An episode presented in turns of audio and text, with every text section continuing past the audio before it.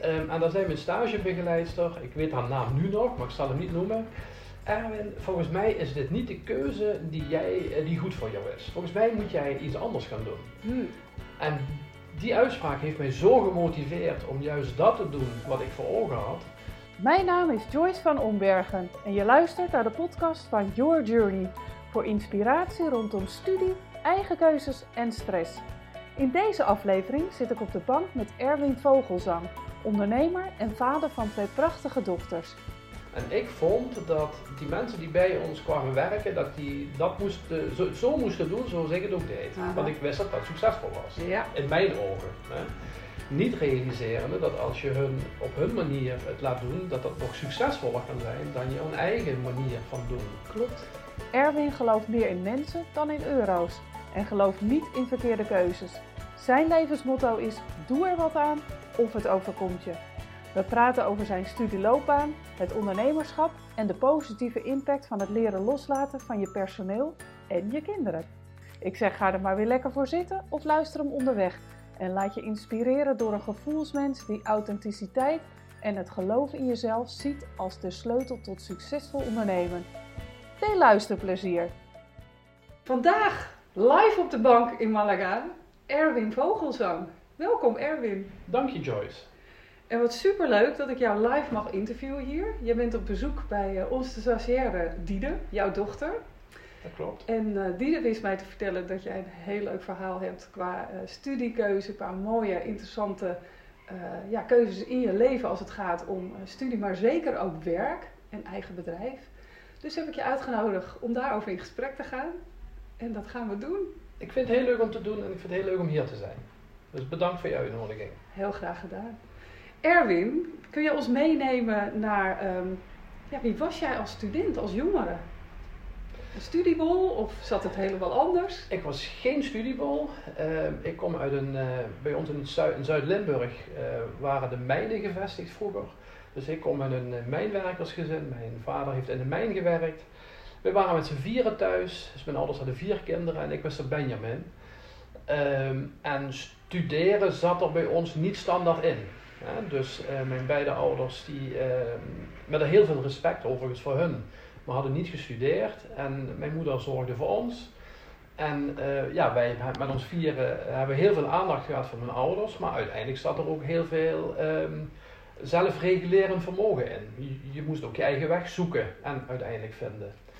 Nee, ik was geen eh, studiebol. Ik heb ehm, eh, MAVO gedaan, eh, daarna naar de HAVO gegaan, in de vierde klas blijven zitten. Omdat de stap van MAVO naar HAVO voor mij op dat moment ja, best een grote stap was. Ehm, en uiteindelijk ehm, ben ik na de HAVO, heb ik personele arbeid gestudeerd. En daar heb ik ook zes jaar over gedaan. Dus geen vier jaar, maar zes, Maar jaar. zes jaar. In de tweede blijven zitten. Eh, en in de vierde ehm, moest ik mijn scriptie opnieuw doen. Ehm, en daar heb ik toen ook, want ik had toen ook al werk. Ehm, bij mijn stagebedrijf kon ik toen blijven werken. En toen heb ik er bewust voor gekozen om het jaar helemaal over te doen en hem niet te stressen richting augustus, want dat was het eerste herkansingsmoment. Maar om gewoon het hele jaar te nemen voor het maken van die scriptie. En ehm, ja, dat, is, eh, goed, eh, dat is goed uitgepakt. Ja. Wat vonden jouw ouders daarvan toen de tijd? Ja, ik deed eh, dat ik ben blijven, dat ik was blijven zitten, bedoel Ja, je? ja. Ehm, dat vonden ze eigenlijk niet zo'n probleem. Want zij zagen dat ik altijd heel eh, gemotiveerd en gedisciplineerd en ook gestructureerd was. En dat ik altijd eh, ontzettend mijn best deed. Maar ja, als het dan niet lukte, ja, dan was dat zo. Ja. Het was ook niet zo dat ik dan bleef zitten met allemaal tweeën, drieën en vieren. Nee, dat was dan eigenlijk ook net. dan Net, bleef net ik echt, aan. echt op een tiende of zo. Ook frustrerend Dan- lijkt me. Ja, dat was dan echt even janken en dan eh, de zomer in en weer uithuilen en opnieuw beginnen. Ja. Ja. En dus een bewuste keuze om eh, rond die scriptie eigenlijk te zeggen van nou, ik neem uitgebreider de tijd. Ja. En je had er al werk naast, hoor ik je net vertellen. Wat, Ja. wat deed je naast je studie? Ehm, nou, ik, ik, ik kreeg dus werk eigenlijk bij, eh, bij het bedrijf waar ik stage had gelopen. Eh, dus als personeelsfunctionaris. Eh, en daarnaast was ik postbode. Ook nog? Ehm, ja, ik, ik bracht de post rond. En twee keer per week, s'avonds, eh bracht ik pakketten rond. Ehm, wat nu DHL doet en UPS Ja. doet en et cetera, dat deed toen de PTT. Ja, Dat weet ik ook nog. Wij zijn bij- bijna even oud inderdaad, Erwin. Dus de PTT Ja. zegt mij heel veel. Dus de, de PTT die bracht, eh, die bracht die pakketten rond en ik deed er twee avonden per week. En, en op de zaterdag was ik postbode. Dan deed ik een wijk in Brunsum, daar waar ik woonde. Fantastisch. Ja. Dus ook wel veel. Een volle week. Ja, ik werkte 40 uur toen bij mijn stageadres. Ik eh, werkte eh, bij de post eh, een uur of, ja, ik denk 10, 15 of zo. Vooral het s'avonds en op zaterdag. Ehm, ja, en daarnaast deed ik mijn scriptie. Ja, dus ik moest mijn scriptie in dat jaar ook afronden. Ja. Ehm, dus ja, dat was veel, maar ehm, ja, dat is, eh, als je iets graag doet dan, en met plezier doet, ja, dan is dat een hele een, een prima leven op dat moment. Ja. Ja. Ja, en, en ehm, je, je met plezier doen. Had je toen ook al voor ogen van, nou, dit is waarvoor ik het doe? Want dat hoor ik heel veel jongeren zeggen. Van, soms zijn ze gewoon kwijt waarvoor ze het doen. En als de motivatie er dan, hè, dat kan de motivatie beïnvloeden, eh, wordt het lastig om iets af te ronden, scriptie, Mhm. studie. Hoe In zat het, dat bij jou? eh, nou, in het tweede jaar, eh, in het tweede jaar van mijn HBO-opleiding liep ik zes weken stage bij het ABP, een groot pensioenfonds in Heerlen. Ehm, en daar zei mijn stagebegeleidster, ik weet haar naam nu nog, maar ik zal hem niet noemen. Erwin, volgens mij is dit niet de keuze die, jij, eh, die goed voor jou is. Volgens mij moet jij iets anders gaan doen. Hm, En die uitspraak heeft mij zo gemotiveerd om juist dat te doen wat ik voor ogen had. En, eh, Want was, heb- was je het met haar eens? Nee, absoluut niet. Nee, ik heb haar advies heb ik aan de kant geschoven. Hmm. En ik dacht van wacht even, nu wil ik bewijzen dat ik het zeker kan. En omdat ik geen eh super student was, ja, moest ik er veel voor doen. Ja. En ehm, ja, uiteindelijk met heel veel, ja, nogmaals, schouders eronder, eh, ehm, ehm, eh, gemotiveerd zijn, gedisciplineerd zijn, ja, heb ik het uiteindelijk wel gered. En dat, ehm, ja, dat had ik eigenlijk nooit gedacht. Ik heb nooit voor ogen gehad dat ik, hoe zeg je dat? Dat ik een materialistisch gezien iets per se wilde bereiken. Eh, mij werd, wordt wel eens gezegd van ja, je hebt, je, hebt, je hebt vroeger gezegd je wilde altijd 100.000 gulden verdienen. Nou, dat heb ik nooit gehad eigenlijk. Ik heb, eh, geld heeft me eigenlijk nooit geïnteresseerd. Nee. Ehm, ik heb het altijd vanuit hier gedaan, vanuit mijn hart, vanuit mijn buik. En ehm, ja, dat, dat wil ik ook graag meegeven aan, eh aan Diede, die hier, dan, die hier dan stage loopt, mijn dochter. En ook aan mijn andere dochter Evie en ook aan de mensen om me heen. En ja, ook aan de mensen waar ik voorheen leiding aan heb gegeven, heb ik altijd tegen gezegd: doe iets met je hart, doe het met je buik. En dan komt het altijd goed. Ja. En als jij een keuze maakt die misschien verkeerd uitpakt, ja, ook dat is niet erg, want daar leer je van. Helemaal eens. eh, sta Ja. op, schud je uit en ga weer door. Dan zie je het als een hele mooie les. En dan zie je dat als een mooie leerervaring. Precies. Ja. Ik neem nog, ga, wil nog even met je terug naar die uitspraak van die, eh, eh, die dame bij dat stagebedrijf. Hoeveel invloed iemand kan hebben door iets te zeggen nou, waar jij op dat moment het niet mee eens was en gelukkig ook totaal aan de kant schoof, dat Ja. advies. Maar hoeveel impact dus één persoon kan hebben op mensen op een jonge leeftijd. Ehm, ja, hoe kijk je er achteraf naar? Want je hebt zelf inmiddels een eigen bedrijf Gehad. heel, ja, gehad. Ja. Heeft dat jou ook eh, veranderd of, of beïnvloed in hoe jij met, je, eh, met de mensen om je heen omgaat? Nou ja, het feit dat zij dat gezegd heeft, eh, ehm, ja, dat heeft dus gigantische impact gehad. Want anders had ik het nu na 32 jaar, had ik het er niet meer over. Ja, Was ik het al lang vergeten. ja, dus het feit dat zij dat gezegd heeft, ehm, ja, dat heeft je wel gevormd. En ik ben haar ook dankbaar dat zij dat gezegd heeft. ja. Want als ze dat niet gezegd had, ja, dan had, was het nu ook geen gespreksthema geweest. Had ik het nooit mee kunnen nemen, zeg maar, in mijn verdere leven. Dus ehm, nee, ik vind het prima dat zij, daar, eh, dat zij dat toen gezegd heeft. Ik heb het, ehm, zeg maar, in mijn begeleiding of in mijn coaching of in mijn leiding geven, ehm, heb ik het op die manier nooit gedaan. Nee. Ik heb nooit gezegd tegen iemand, dit is, dit is een verkeerde keuze voor jou. Je moet iets anders gaan doen. Nee, want dat moeten we uiteindelijk zelf ontdekken. Helemaal eens, zelfontdekking inderdaad. En Ja. eh, je hebt het recht ook op die, eh, op die eigen keuze. Ja, absoluut. Ja. Bijzonder. Dus je hebt het echt wel als iets, ja, uiteindelijk als een, als een, als een soort eh, brandstof eh, gebruikt eh, om, om het tegendeel te bewijzen. Nou, kon jij dat? Er zijn natuurlijk ook hè, jongeren die daar, ja, die daar minder, die daar echt van uit het lood geslagen zijn en denken, nou, diegene zal wel gelijk, gelijk hebben. Ja. Ja, pittig. Ja, je gaf aan, ik heb mijn eigen bedrijf gehad. Nou, je bent nog best jong. Ja. Laten we zeggen, hè, normaal zijn wij de oudste, maar we zijn nog relatief jong. Ja. Eh, 52 gaf je net aan. Ja. Hoe eh, ging het verder, zeg maar, na de hogeschool? wat was het punt dat je een eigen bedrijf startte? Laat ik beginnen om te zeggen dat ik ehm, altijd ontzettend geïnteresseerd ben geweest in mensen. En zoals ik net al zei, niet in euro's. En ehm, schijnbaar heb ik uh, één ding altijd goed gedaan en dat is verbinden. Ehm, ik heb altijd, ik dat van horen zeggen hoor, uh, dus in alle bescheidenheid zeg ik dat nu ook. Ik heb altijd heel erg goed kunnen verbinden. Ik heb altijd heel erg goed mensen aan me kunnen binden. Um, en zo ben ik eigenlijk ook in de uitzendwereld terechtgekomen. Bij mijn stageplek, dat was dan toen nog tijd, uh, bij Henk Butink. Dat was toen mijn baas, maar nu nog steeds een vriend van mij. Henk, ik ben je ook nog steeds dankbaar. mocht je luisteren. Ja. mocht je luisteren. Um, en ja, weet je, en Henk die gaf mij eigenlijk um, de kans ook, nadat het slecht ging bij het bedrijf waar hij werkzaam was, waar ik dus ook werkzaam was. Uh, daar, ging toen, uh, was een faillissement van, van een klant, een grote klant. Dus eigenlijk moest ik weg. En Henk heeft mij toen uh, geïntroduceerd bij een uitzendorganisatie. Um, en bij die uitzendorganisatie, ik was toen, moet ik even terugdenken, ik ben van 1969, dat was in 1991 tot 4, dat was in 1994, was ik 25. Ja, daar ben ik gaan werken. Daar heb ik drie jaar gewerkt en daar kreeg ik Joyce het, het, het gevoel van, hè, wat ik voor die baas doe, ja. um, dat kan ik misschien ook wel voor mezelf. Ja.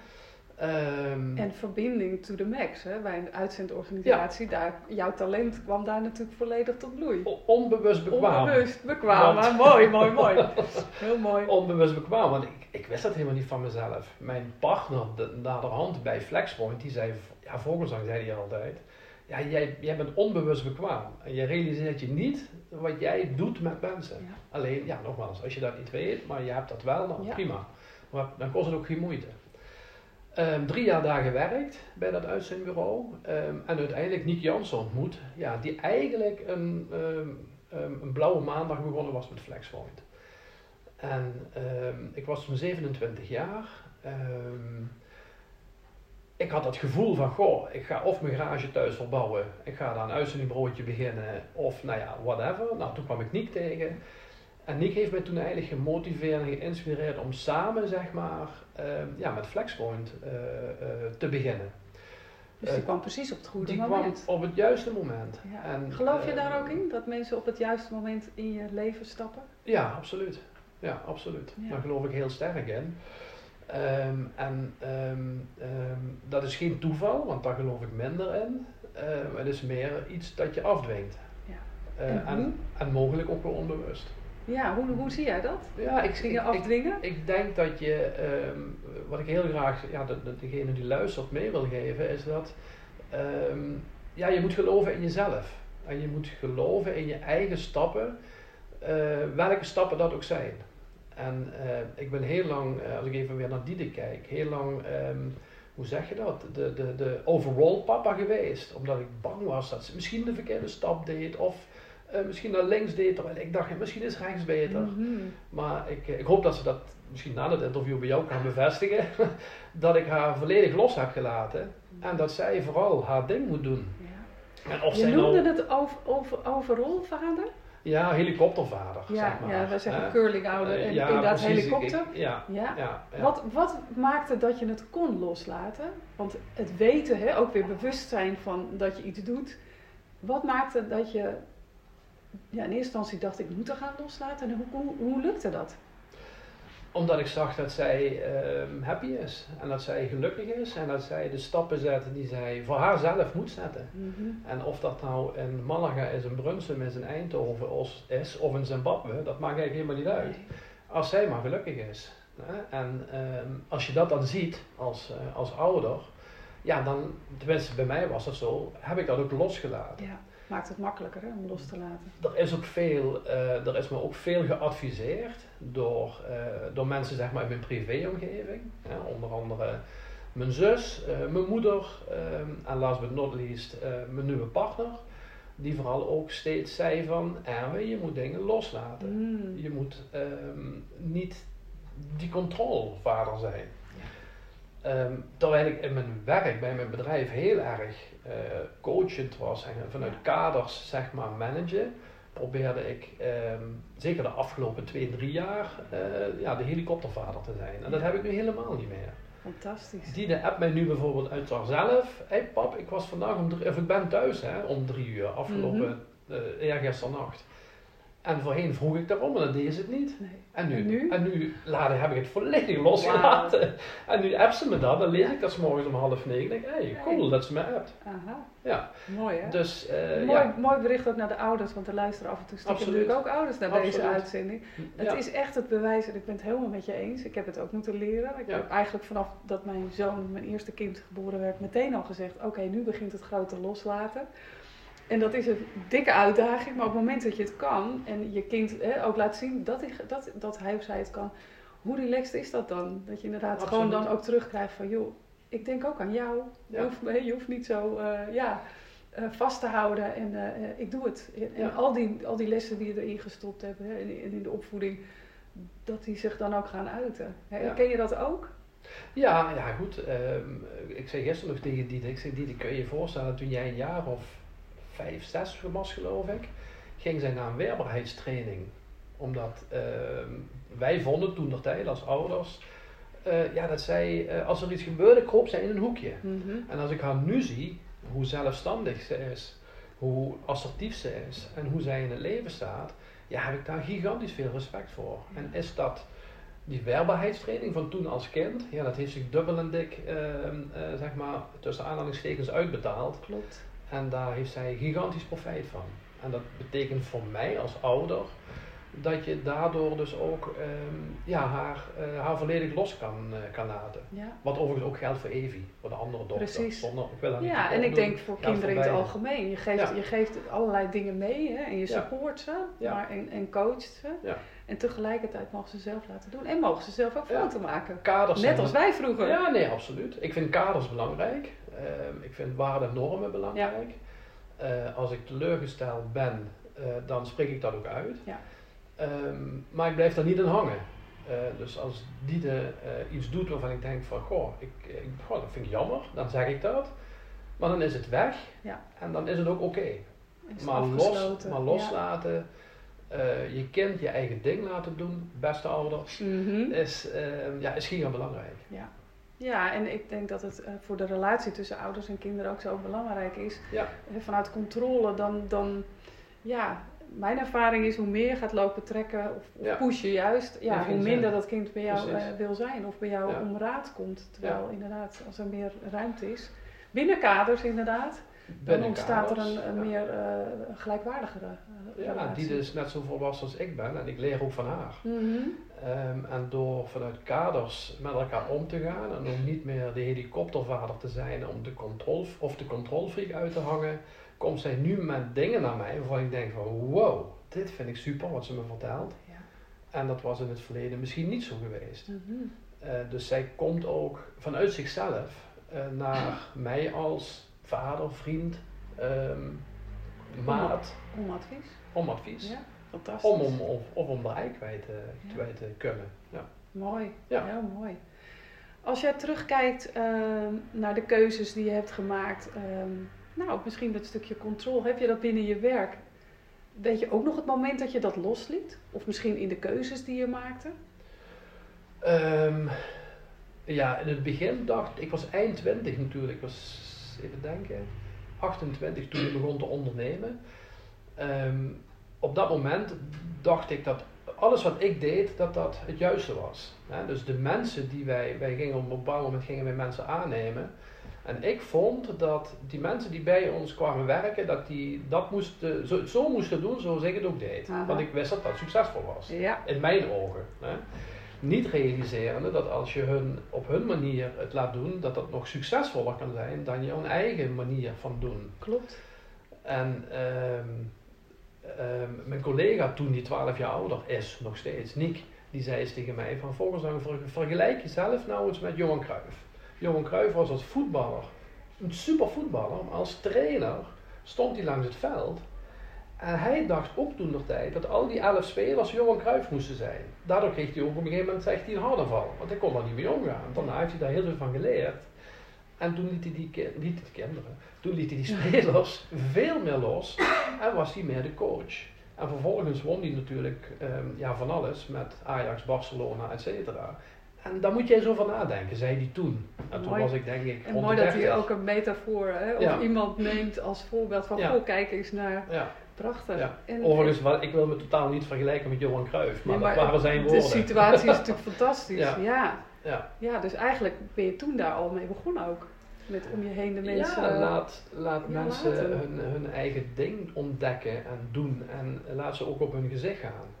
En vertaal niet alles in euro's. Want op het moment dat je mensen hunzelf authentiek laat zijn, en dat was een van onze kernwaardes eh, van, van ons bedrijf, ehm, ehm, authenticiteit. Mhm. En als je daarin gelooft en daar ook mensen steeds op aanspreekt, niet op beoordeelt, maar aanspreekt, dan, ehm, ja, dan, dan vertaalt dat ook in succes van die mensen. Ja. En dus, dat En dus draagt, precies, draagt bij aan jouw bedrijf. Ja, precies. Mooi. En dat heeft ook, denk ik, eh, te maken met kun je je eigen ego Ja, eh, een beetje aan de kant eh, Ja. zetten. heel belangrijk. Ik denk heel belangrijk inderdaad. Ik heb altijd gezegd, Joyce, dat ehm, ons bedrijf is het belangrijkste. En komt er iemand die beter, anders, eh, succesvoller kan zijn voor het bedrijf dan ikzelf, Mhm. ja, dan moet je plaats maken. Ja.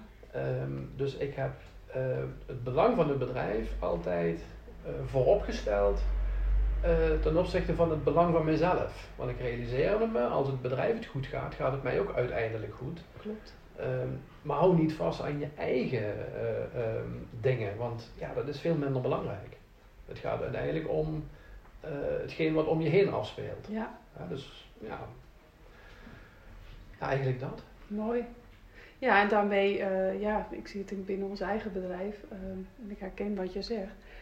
Maar daarmee geef je de ander ook de kans om te floreren, om hè, zijn beste kunnen te laten zien, talenten te ontwikkelen. Ja. En eh, ja, op een gegeven moment misschien ook weer elders eh, zijn of haar ding te gaan doen. Ja, absoluut. Ja, en zeker in de uitzendwereld eh, eh, is het verloop natuurlijk, ik weet niet of dat nog steeds zo is, maar redelijk groot. Ja, wat het, het verloop was altijd heel groot. Ehm, doordat wij ehm, ja, zeg maar heel veel aandacht hadden voor, ehm, voor, de, voor de mens, zeg maar, was het verloop bij ons ehm, een stuk geringer. Ja. Ja, dus bleven mensen echt lang. En Graag voor jullie werken. we ja. hebben drie jaar geleden verkocht en ik zie nu nog steeds dat de mensen er nog steeds werken. Ja, dus er werken nog steeds ehm, eh, personen 20 jaar, 15 jaar, 20 Wauw, jaar bij datzelfde Dat is bedrijf. echt heel lang. Dus Zeker in die is- wereld. Ja, ja, Ja, dat dus dat zegt heel veel over de bedrijfscultuur. Gemiddelde verlopers in de uitzendwereld, ehm, toen wij jong waren, Ja. Joyce, negen maanden. Ja, dat was heel kort, Ja, weet ik. Dat was echt, eh, ja. Negen maanden, dat is echt niet voor te stellen Nee, nu. Nee, nee, precies. nee, bizar. Ja.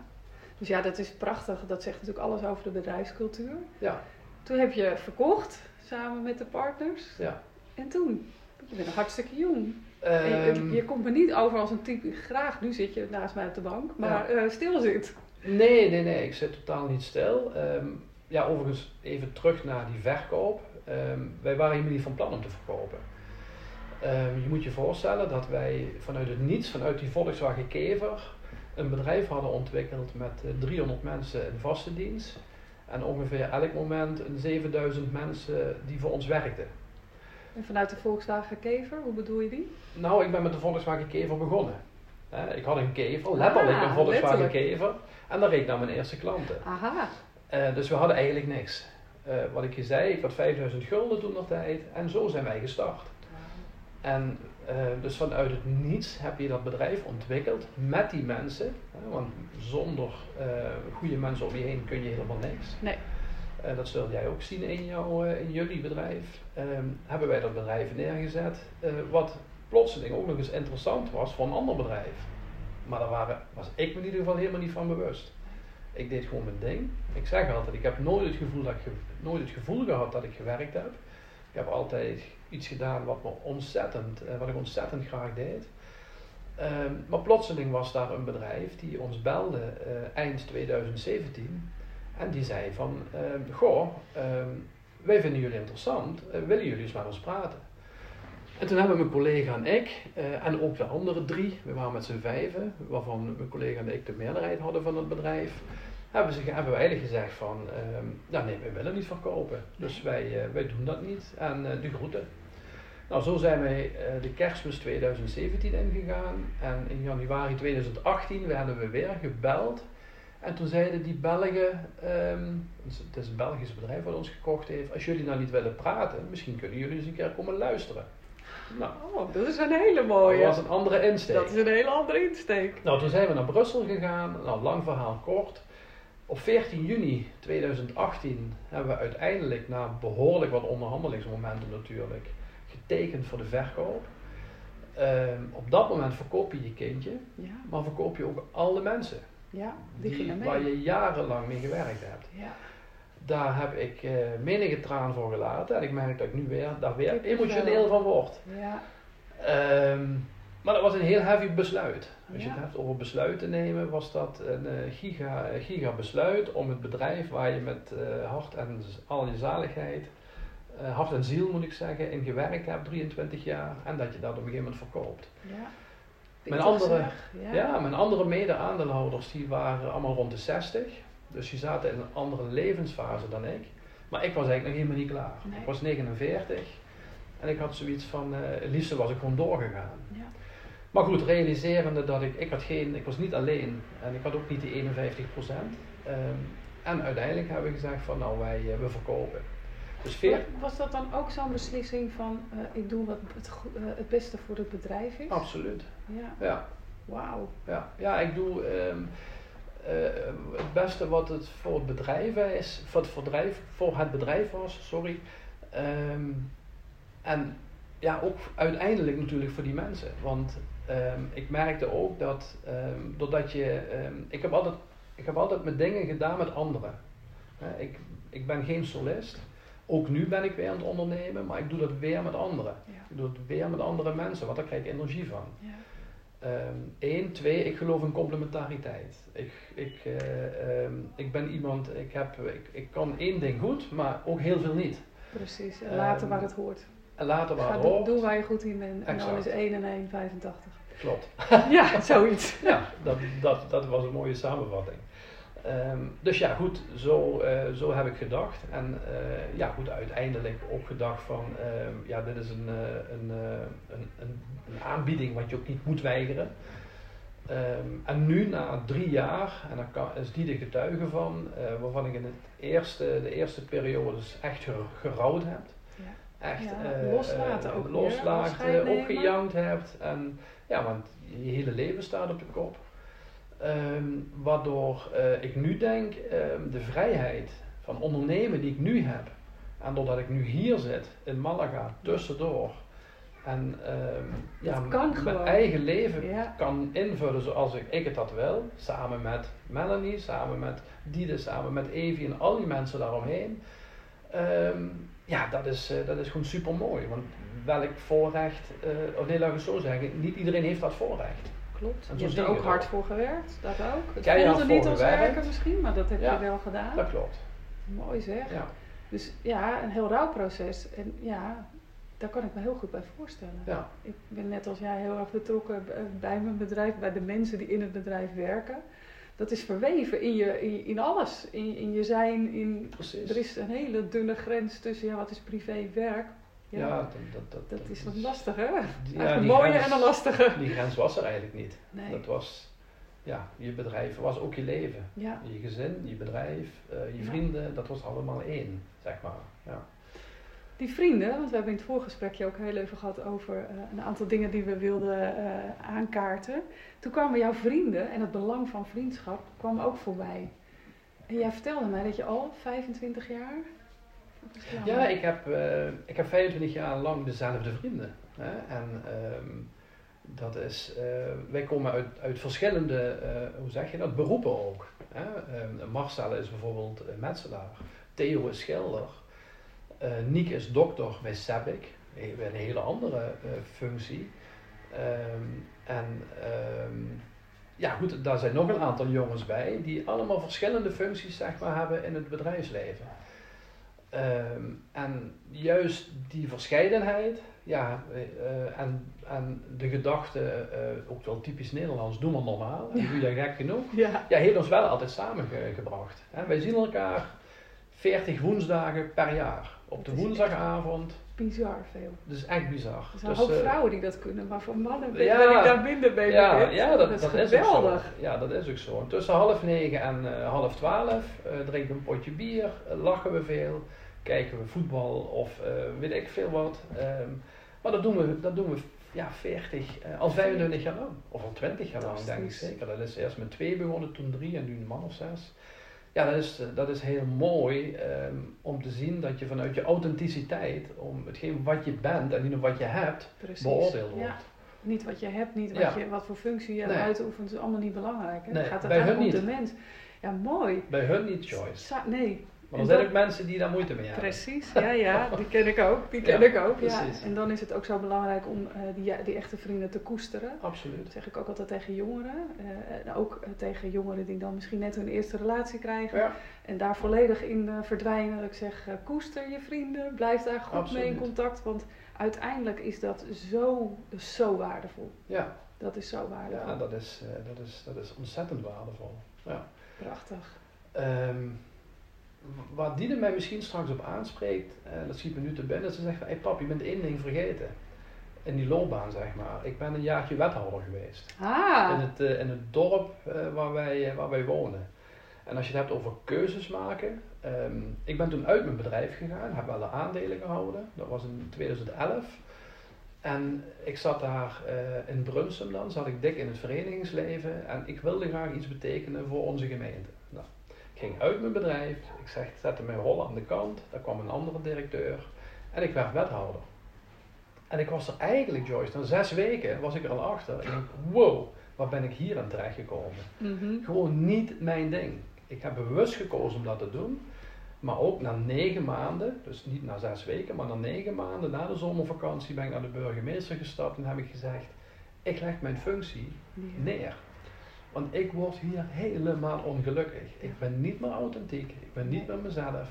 En ik kies ervoor om terug te gaan. Nee, ik kies ervoor om te stoppen. Vervolgens heb ik mijn mede-aandeelhouders gebeld. Heb ik gezegd dat ik gestopt ben. Heb tegen ze gezegd van jongens luister, ik wil graag terugkomen. Ja. Maar als jullie niet zien zitten, ja dan ga ik taxi rijden. Ja, Ga ik ga Mal- iets doen. ga ik Malaga bij Uber werken of Ja, zo. precies. nee, maar om, om, als je het weer hebt over keuzes, ik wilde dit vooral ook de, de mensen die dit interview eh, eh, beluisteren, wil ik ook dat verhaal niet onthouden. Eh, ook dat was voor mij een hele bewuste keuze. ja.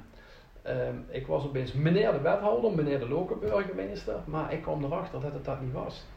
Want die hele status, dat is helemaal niet belangrijk. Nee. Kies voor jezelf en ga je eigen ehm, ja, doelen, eh, doelen na. Streef je eigen doelen na. Ja. Dat is, dat is En dat het verschil ma- willen maken voor je gemeente. Hè. Dat kan in die functie, maar jij kwam erachter dat dat niet eh Ik had dat wat, was. ik had dat wat geromantiseerd.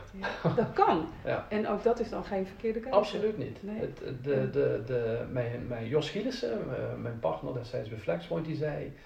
Dat was het beste management development traject Ja. voor Erwin en ook voor Flexpoint. Ja. Want hij heeft daar zoveel geleerd, wat hij vooral niet moet doen. En hij is teruggekomen met superveel energie.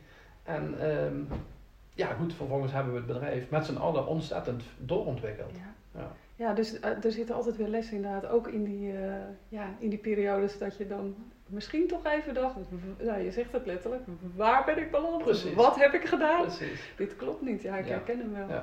Ja. Heel veel, zweet, heel, veel zweetmomenten. Ja, ja. Ja. ja, en het is, eh, eh, ben je dan, blijf je dan authentiek of ga je iets doen wat verwacht wordt? Of blijf je iets doen wat hè, de buitenwereld van je verwacht? Precies. Ja, dat zijn wel hele eh, belangrijke momenten. Van, Ja. Kies je dan toch echt voor jezelf?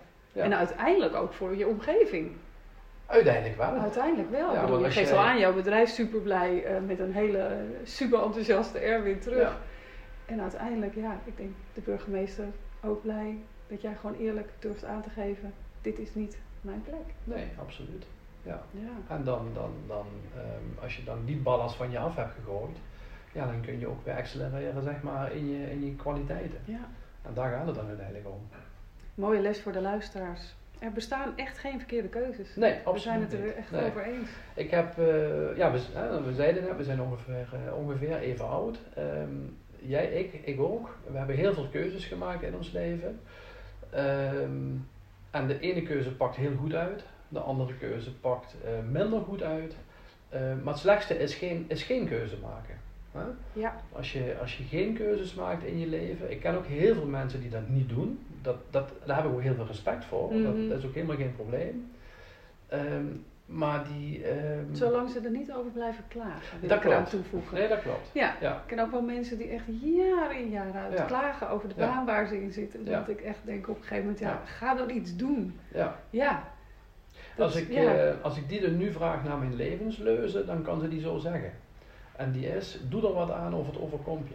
ja, mooi. Als je er niets aan doet, Ja. ja, dan overkomt het je. Ja. En dat, ja, dat moet, je echt, eh, moet je echt voorkomen. Ja, want uiteindelijk ben je zelf verantwoordelijk voor je eigen Niemand, leven. niemand anders. Ja. Mooi. Zijn er nog dingen die je daaraan toe wil voegen? Want ik vind het wel een hele mooie eindconclusie. Doe er iets aan of het overkomt je. Ja, Erwin Vogelzoon. Nee, ik, ik heb eigenlijk weinig toe te voegen, Joyce. Ehm, ja, nogmaals, ik denk dat die, dat die uitspraak die ik net deed, doe er wat aan of het overkomt je, dat dat de rode draad kan zijn van iemands, eh, van iemands leven. Ehm, en wat je er ook aan doet, als je maar iets doet. eh, en elke keuze is goed. Ja. En twijfel niet aan jezelf. Ehm, trek je eigen plan. Eh, houd de regie, dat is heel belangrijk. Hou je eigen leven eh, goed in grief. Hè? Eh, hoe zeg je dat in het Nederlands? grip op je grip op je eigen, Ja. le- hou grip Ja. op, je, op je eigen leven. Ehm, ja, en dan kom je er wel. En je komt er altijd, wat er ook is. En het gaat En je- niet. Ik heb eens een keer een boek gelezen, dat wil ik nog meegeven. De monnik die zijn Ferrari verkoopt. Ja, Ik weet niet of die titel ken ik, ja, ja, ja. En ehm, ja, die man die koos ervoor om in, een, in de Himalaya in een klooster te gaan zitten. En dat is heel extreem. En zijn hele materialistische eh, handel in New York eh, achter zich te laten. Ja. Prima En- keuze. En wat een vrijheid. En wat een vrijheid. Ja. Dankjewel, Erwin. Graag gedaan. Fijn dat ik hier was. Hiermee kom ik aan het eind van deze aflevering. Heb je een vraag? Je vindt me op Instagram via yourjourney.a. Ik vind het leuk om daar met je te connecten en jouw vragen te beantwoorden. Kun je wel wat hulp gebruiken bij het maken van keuzes rondom studiewerk of tussenjaar? Of wil je leren dealen met stress in plaats van er tegen te vechten? Ga dan naar yourjourney.academy en download mijn gratis videoserie op 30 tips tegen stress. Wil je geen aflevering meer missen? Abonneer je dan op deze podcast. En ken je iemand voor wie deze aflevering interessant is? Deel hem dan via je socials. Jouw eerlijke review ontvang ik graag via Apple Podcast. Hiermee wordt de podcast beter vindbaar en help je mij om nog meer jongeren te bereiken. Bedankt voor het luisteren en tot de volgende keer.